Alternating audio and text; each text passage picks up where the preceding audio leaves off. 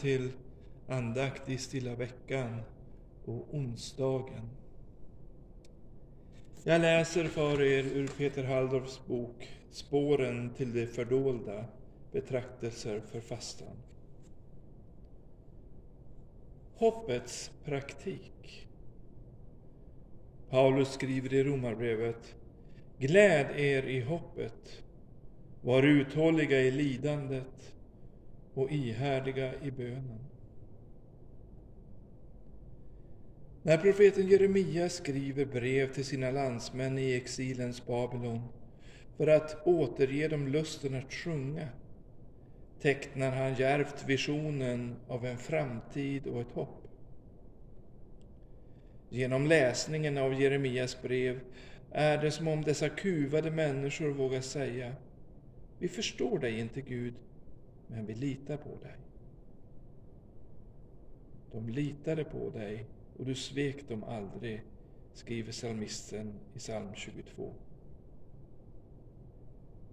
Hoppet tillhör en annan kategori än det positiva tänkandet. Det är en annan koordinat, ett annat språk. Hopp kan inte konstrueras, bara födas. När ljuset kommer från sidorna, som poeten Marie Tonkin skriver i dikten Metamorfoser. Optimistens tro att det ordnar sig nog till slut visar sig oftast ogrundad. Det är just när det inte ordnar sig som det kristna hoppet visar sin halt. I förföljelsens malström är det hoppet som låter martyrerna bevara sin mänsklighet. Inte ett hopp om att lidandet ska ta slut, men att det är infogat i en större bild. Profeterna inger hopp därför att de lever lutade mot Guds bröst. Därför kan de säga med psalmisten, må ni alltid vara fyllda av livsmod. Motsatsen till hopp är inte pessimism, det är förtvivlan.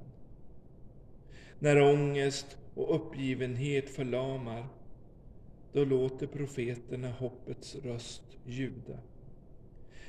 Den rösten gör något med oss. Inte bara med vår tanke, utan också med våra händer. Hopp är mer än analys, mer än insikt. Hoppet är en dygd. En subversiv andlig praktik som föregriper det vi hoppas på och motar bort känslan av uppgivenhet. Hoppet säger, det går att äta, odla, resa, värma, kyla, leva annorlunda. Det kanske inte känns så, men varje litet beslut gör skillnad och är ett serum mot bortträngningens gift. Att bevara hoppet när påfrestningarna är stora är både en mental och en andlig kamp. Därför behöver vi gemenskaper och platser som kan uppfylla och utgöra hoppfulla förtätningar och vara ett tecken på en annan ordning. En blick präglad av vördnad för allt skapat och förundrat över Guds trofasthet ger mod och kraft till den avhållsamhet som sätter gränser för de egna behoven och gör hjärtat mjukt.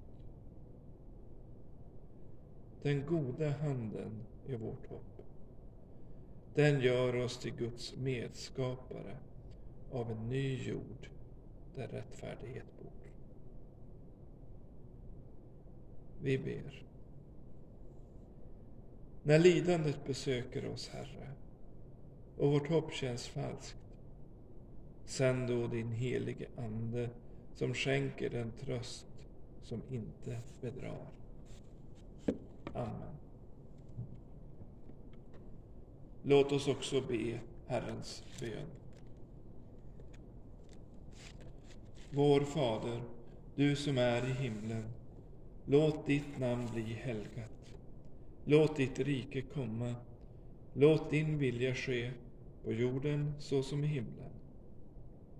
Ge oss idag det bröd vi behöver och förlåt oss våra skulder, liksom vi har förlåtit dem som står i skuld till oss.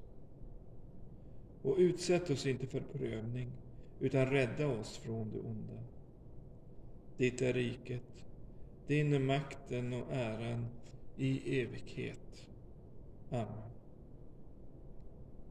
Ta också emot Herrens välsignelse. Herren välsigne dig och bevara dig. Herren låter sitt ansikte lysa över dig och vara dig nådig. Herren vände sitt ansikte till dig och give dig frid. I Faderns och Sonens den helige Andes namn. Amen.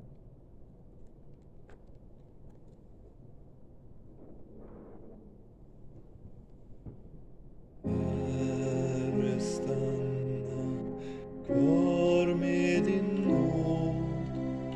Natten är här. O Herre, stanna